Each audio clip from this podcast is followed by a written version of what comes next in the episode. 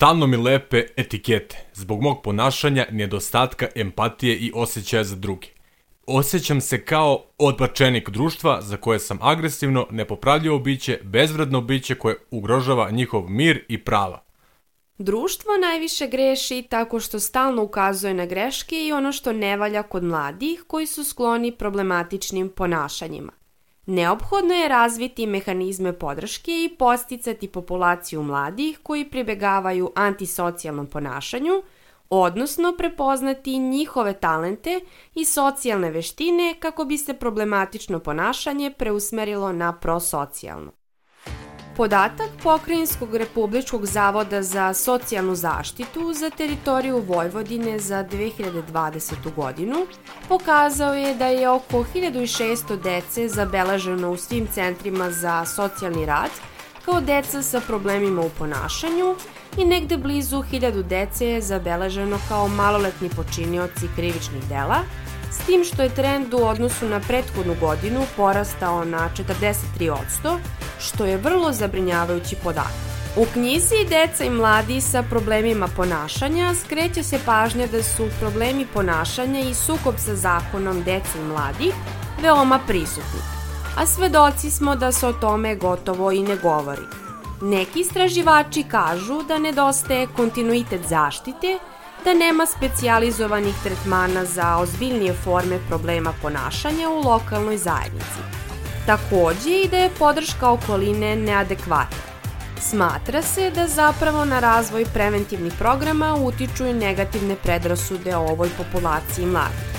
Ono što me zabrinjava je da upravo taj negativan pritisak društva može da produži nastavak i porast antisocijalnog ponašanja i sukoba sa zakonom dece i mladih sa problemima ponašanja. Deca i mladi se onda smeštaju u marginalizovane kalupe, što samo može produbiti problem. A gde su konkretna rešenja i pomaci? Slušate Podsvest, podcast o mentalnom zdravlju tinejdžera i adolescenata. Ja sam Anđela Andrijević, a moja gošća u ovom izdanju je specijalna pedagoškinja Ljiljana Marković ispred Edu Centra Beograd – odnosno stručnjakinja u oblasti prevencije i tretmana problema u ponašanju. Sa njom razgovaram upravo o problemima u ponašanju adolescenata i tinejdžera i antisocijalnom ponašanju. Važno je da skrenemo pažnju o tome kako prepoznati simptome ovog problema, koji su mogući faktori rizika, a koji protektivni faktori. Kao što smo u epizodi o vršnjačkom nasilju i vršnjačkoj podršci pomenuli, Neki teoretičari smatraju da vršnjačka grupa može da ima značajan uticaj na pojavu i održavanje poremećaja ponašanja kod dece. Ali smo takođe spomenuli da se neka ponašanja smatraju u skladu sa razvojnim stadijumom. Bilo je važno da razbijemo taj mit, jer ako razvojni problemi, kako smatraju neki istraživači, akumuliraju i počinju da ugrožavaju i ometaju funkcionisanje i razvoj mladih, onda se oni nazivaju problemima i poremećajima ponašanja koje zahtevaju socijalnu, pedagošku i terapeutsku intervenciju. Ono što je od ključnog značaja jesu preventivne mere i preporuke kako da usvojene obrazce lošeg ponašanja zamenimo prihvatljivim i poželjnim ponašanjem, kako bi se adolescenti integrisali u društvenu sredinu. Pojmovi antisocijalno ponašanje, poremeće ponašanja, delikvencija i kriminal često se smatraju sinonimima, ali to nije ispravno. Prema teoretičaru Friku, antisocijalna ponašanja se rangiraju od lakših konflikata adolescenata sa figurama autoriteta, poput protivljenja, neposlušnosti, prekošenja, preko težih prekršaja društvenih normi, kao što je izostajanje iz škole i bežanje od kuće, pa sve do teških kršenja prava drugih, odnosno krađa, napada, vandalizama. Specijalna pedagoškinja Ljiljana Marković nam predočava da je antisocijalno ponašanje opšti pojam koji obuhvata različita ponašanja koje uključuju kršenje društvenih, moralnih i pravnih normi. Sama ta činjenica govori da se to razlika od maloletničke delikvencije i kriminaliteta mladih, jer deca mogu da se ponašaju u suprotnosti sa društvenim moralnim normama, ali ne moraju da krše zakon. Ono što je karakteristično za sve oblike antisocijalnog ponašanja, to je jedno odsustvo empatije i lične odgovornosti za svoje ponašanje, što ih često i vodi jel, u takvo antisocijalno ponašanje, jer su fokusirani na sebe i na svoje potrebe i zanemaruju potrebe drugih. Kada govorimo o maloletničkoj delinkvenciji, onda govorimo isključivo o ovaj deci koja su u sukobu sa zakonom.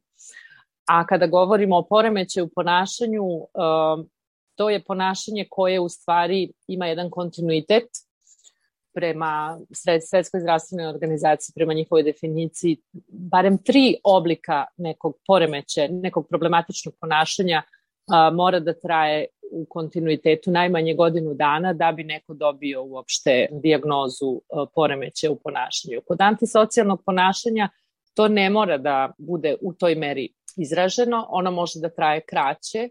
Antisocijalno ponašanje ukoliko traje duže, može da se pretvori u poremeće u ponašanju koji kasnije može da vodi u neki antisocijalni poremeće ličnosti. Kao što smo u izdanju o vršnjačkom nasilju već istakli, promene u ponašanju su neizbežan, ali ne i bezazlen deo adolescencije. Tokom puberteta kod mladi se javlja bunt zbog potrebe za jednom vrstom psihološkog odvajanja od roditelja, njihove kontrole, probijanje granica u smislu, na primer, dužih izlazaka, manje odgovornosti prema školskim obavezama i slično. To bi bila prihvatljiva ponašanja u opisu razvojne faze. Sa druge strane, kako objašnjava pedagoškinja Ljiljana, dešava se da adolescenti i tinejdžeri pribegavaju nekim ponašanjima koje su karakteristična za odrasle. Kako smatraju neki istraživači, ali i moja sagovornica – Poteškoće nastaju ako neki razvojni problemi akumuliraju i počinju da ugrožavaju i ometaju funkcionisanje razvoja mladih. Tada se oni nazivaju problemima i poremećajima ponašanja koje zahtevaju socijalnu, pedagošku i terapeutsku intervenciju.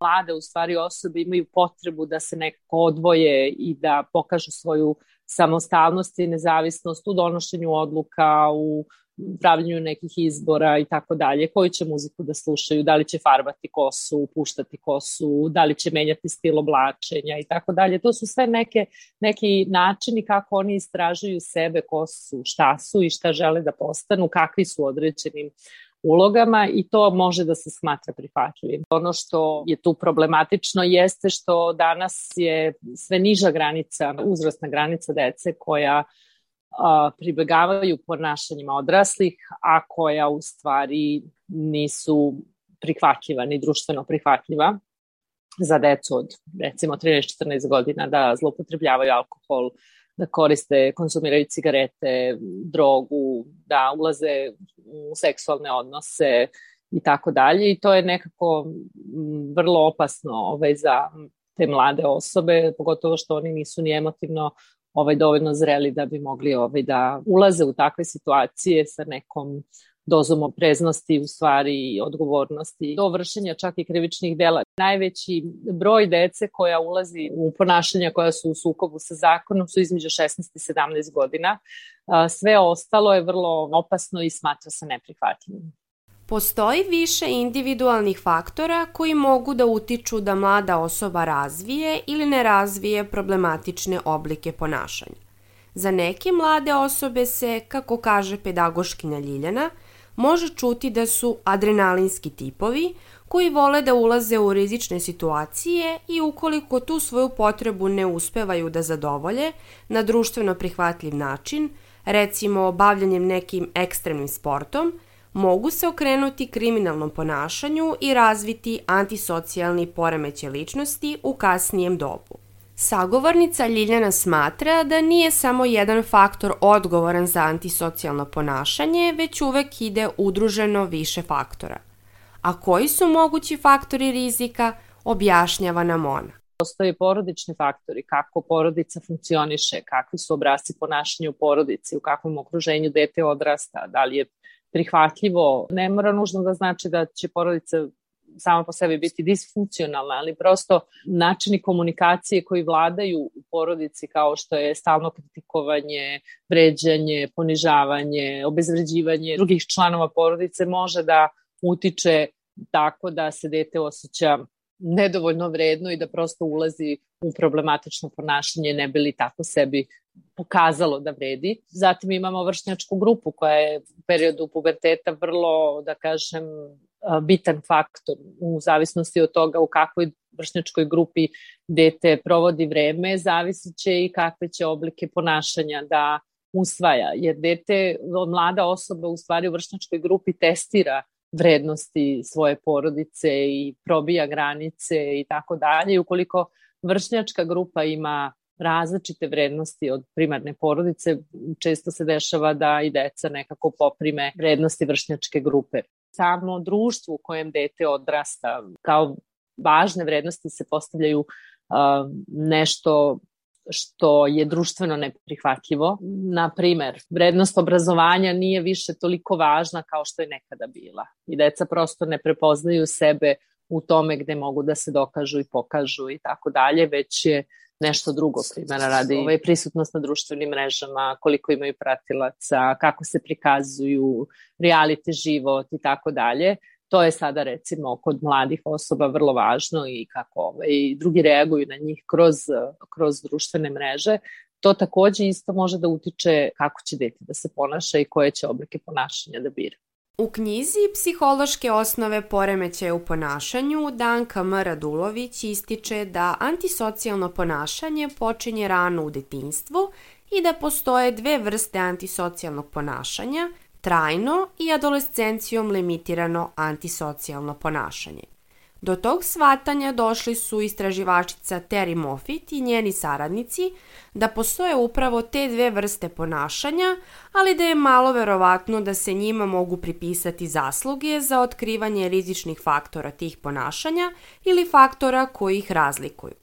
Prema njihovoj proceni, adolescencijom limitirano ponašanje odnosi se na adolescentovo prevazilaženje jaza između biološke i socijalne zrelosti kako bi obezbedili moć i privilegiju koja ide uz status odrasle osobe. Iako nemamo jasan profil adolescenta sa antisocijalnim ponašanjem, ono na šta pedagoškinja Ljiljana Marković skreće pažnju jesu mogući simptomi, odnosno pokazatelji.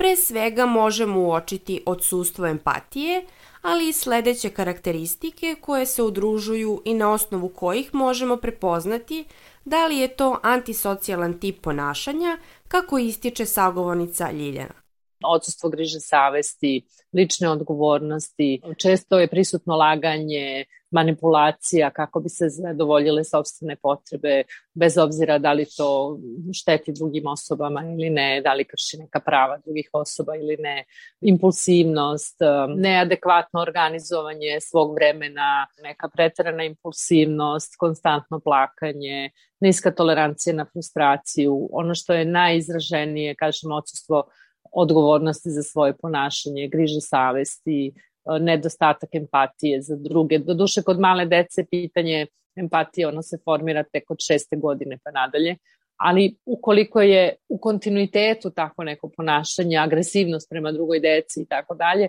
to se onda ovaj, roditelji ipak trebaju posavetovati sa nekim i videti šta, šta treba činiti da bi se sprečilo neko usložnjavanje ponašanja. Negde antisocijalno ponašanje može da traje i nekoliko meseci ukoliko mlada osoba uđe u neku vrstu bunta i uđe u neka problematična ponašanja bez da krši zakon, gde zahvaljujući nekim intervencijama roditelja, uključenjem u neke tretmanske oblike podrške, promenom vršnjačke grupe ili nekim drugim načinom prestane antisocijalno ponašanje i prosto se na taj način zaustavi i ne mora nužno da preraste u poremećaj ponašanja. Veliki uticaj na adolescente sa antisocijalnim ponašanjem ima neadekvatno postupanje i osuda okoline.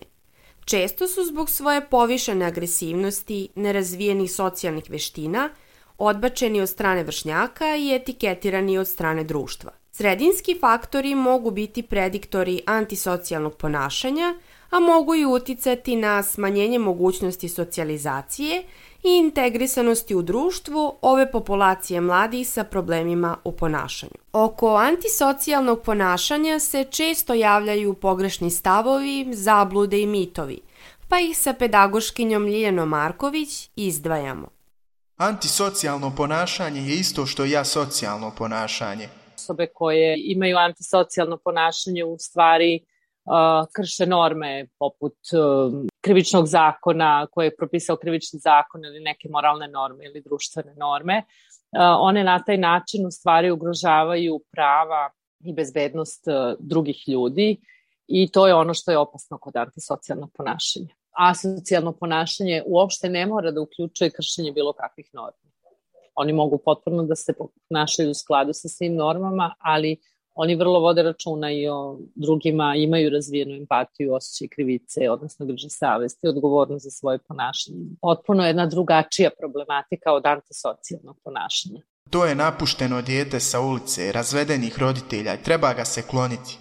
Ima puno dece koja žive sa, u jednoroditeljskim porodicama i vrlo su uspešne. I obično se pripisuje da porodica ne valja, da ih treba odstraniti iz društva. To su neke, kako bih rekla, mere koje su bile preduzimane davno, pre 30-40 godina, kada se rad sa takvom decom uglavnom zasnivao na tom represivnom modelu. Ali danas je to drugačije i društvo nekako da li iz straha od nepoznatog šta su ta deca sve u stanju da urade, ili ne znam iz kog razloga, vrlo često odbacuju tu decu i daju im neke osobine. Jednom lopov uvek lopov, jednom narkoman uvek narkoman. Takvo ponašanje je posljedica genetike i nasljeđa. Kada osoba i dođe sa genetikom da može da razvije neke poremeće ličnosti ukoliko se nađe u okruženju koje je stimulativno, posticajno, ovaj, da roditelji adekvatno prepoznaju potrebe deteta i tako dalje, ne mora da dođe do razvoja poremeća ličnosti na neki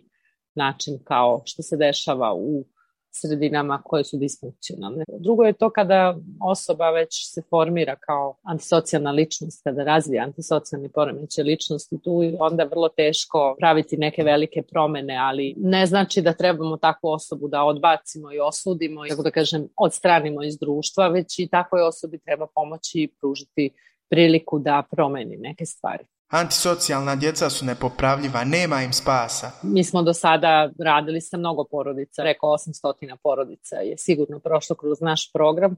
Većina je prošla sa jako dobrim ovaj, rezultatima i došlo je do promene u ponašanju. Čak i kod onih mladih ljudi koje su ovaj, bili otprilike ovo je ono poslednji, poslednja opcija ako vi ne uspete ići će u zatvorenu zaštitu. Je došlo do promene i uspevalo se. A šta je glavni problem u društvu i šta praksa pokazuje? Ne postoji sistem koji nudi brigu i podršku takvim porodicama na dnevnom nivou. To je problem. I zato imamo puno dece koje odu stramputicom zato što razviju takve oblike ponašanja, zato što prosto u nekim momentima nisu imali adekvatnu podršku. U našoj državi ne postoji takav sistem koji bi da. takvu decu prihvatio, mlade ili odrasle ljude i Mislim, bave se recimo ovaj, udruženja građana koji imaju neke projektne aktivnosti i tako dalje, ali to je, kako da kažem, to nije sistemski pristup. Ne postoji u državi, u sistemu države aktivnosti, organizacija, kako se to radi i tako dalje, ko se s kim povezuje i tako dalje, to ne postoji kod nas. Samo postoji na nivou udruženja građana. Što znači da je to vrlo ograničenog ovaj, trajanja, prvo to, a drugo je zavise od donatora, koliko su oni spremni da finansiraju takve programe i broj ljudi je vrlo mali u odnosu na potrebe koji možda mogu da imaju priliku da se uključe u takve neke aktivnosti i promene svoj život. U tretmanu mladih sa antisocijalnim ponašanjem, pored faktora rizika, važno je proceniti protektivne faktore.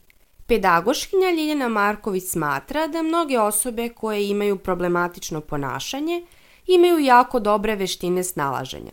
Ona kaže da sa druge strane ima dosta dece koje nemaju dobro razvijene socijalne veštine, pa se upuštaju u razne kriminalne radnje kako bi se pokazali ili nekako pridružili nekoj grupi. Važno je negovati prosocijalne veštine poput talenata za sport, crtanje, umetnost, odnosno razvijati i negovati to što je pozitivno u njima, a ne fokusirati se na loše strane i postepeno mlade uključivati u prosocijalne grupe, gde ćemo ih pre svega podsjetiti na odgovornost za to problematično ponašanje, ali i gde bi, kako moja sagovornica zaključuje, ta populacija mladih mogla da promeni najpre sliku o sebi, a onda i svoje ponašanje. Ranije kada smo radili u dnevnom boravku za decu sa problematičnim ponašanjem, radili smo jedno istraživanje koje je pokazalo da nakon godinu dana tretmana nivo empatije je uh, u značajnoj meri povećan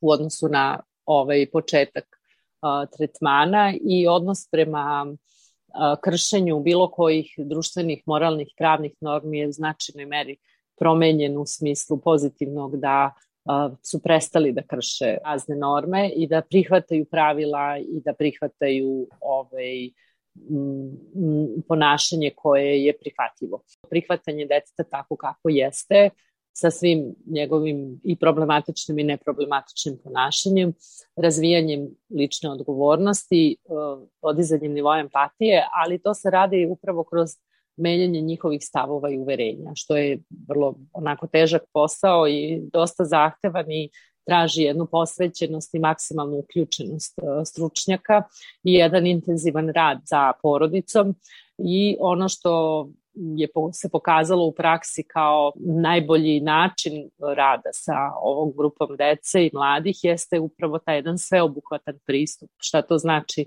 Da u radu sa detetom obuhvatamo sva polja njegovog života, a to znači i porodicu, i vršnjake, i školu, i njega kao ovaj, ličnost.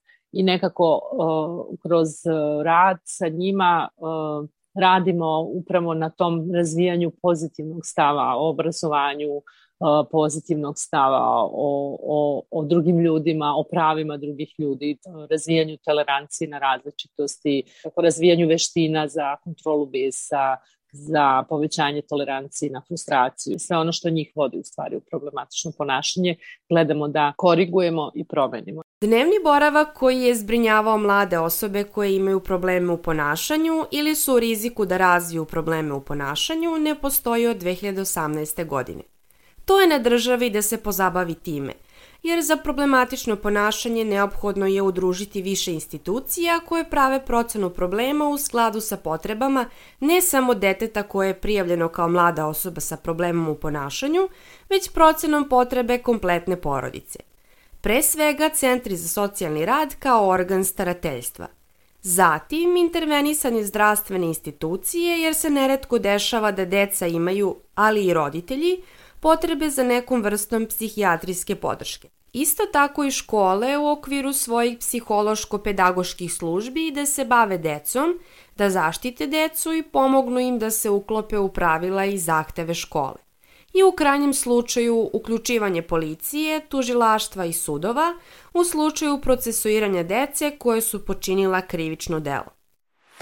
Slušali ste Podsvest. Moje ime je Anđela Andrijević. U ovom izdanju sa specijalnom pedagoškinjom i stručnjakinjom u oblasti tretmana i prevencije problema u ponašanju, Ljiljeno Marković ispred Edu centra, razgovarala sam o najvažnijim karakteristikama i preventivnim aspektima problema ponašanja i antisocijalnog ponašanja. Predočile smo pokazatelje ovog problema i rizične faktore. Ono što smo ovom epizodom naučili je da faktor sredine ima veliki uticaj na produbljivanje problema i da ne treba osobi sa antisocijalnim ponašanjem ukazivati na greške, odbacivati je i etiketirati, već da je osnovni metod rada prihvatiti takvu kakva jeste i jačati tu njenu ličnu odgovornost i nivo empatije za druge. Istakle smo da je antisocijalno ponašanje moguće promeniti uz pedagoški, socijalni i terapeutski rad i da nije izlečivo onda kada se to formira već u nekom zrelom dobu, ali kod dece i mladih osoba je moguće to promeniti. Ovom epizodom smo apelovali na državne organe koliko je važno obezbediti dnevne boravke za mlade sa problemima u ponašanju, kako bi se adekvatno krenulo ka prevenciji i sprečilo dalje usložnjavanje problema i eskalacije ozbiljnijih oblika ponašanja. Podsvest možete slušati na Sounder FM-u, Podcast RS-u, Google Podcastu i Spotify-u. Do sledećeg osluškivanja podsvesti ne odbacujmo mlade osobe sa antisocijalnim i problematičnim ponašanjem, već pokažimo razumevanje, pružimo im podršku i usmerimo ih na adekvatnu stručnu pomoć, jer kao što kaže autorka Milica Pejović-Milovančević, psihološki pristup treba da bude multimodalan i da se ne koncentriše samo na oblike ponašanja, već da zahvati što je veći mogući broj psiholoških dimenzija, kao što su kognicija, moralno mišljenje, edukacija, rekreacija, veštine socijalnog funkcionisanja. Produkcija Fabrika kreativnosti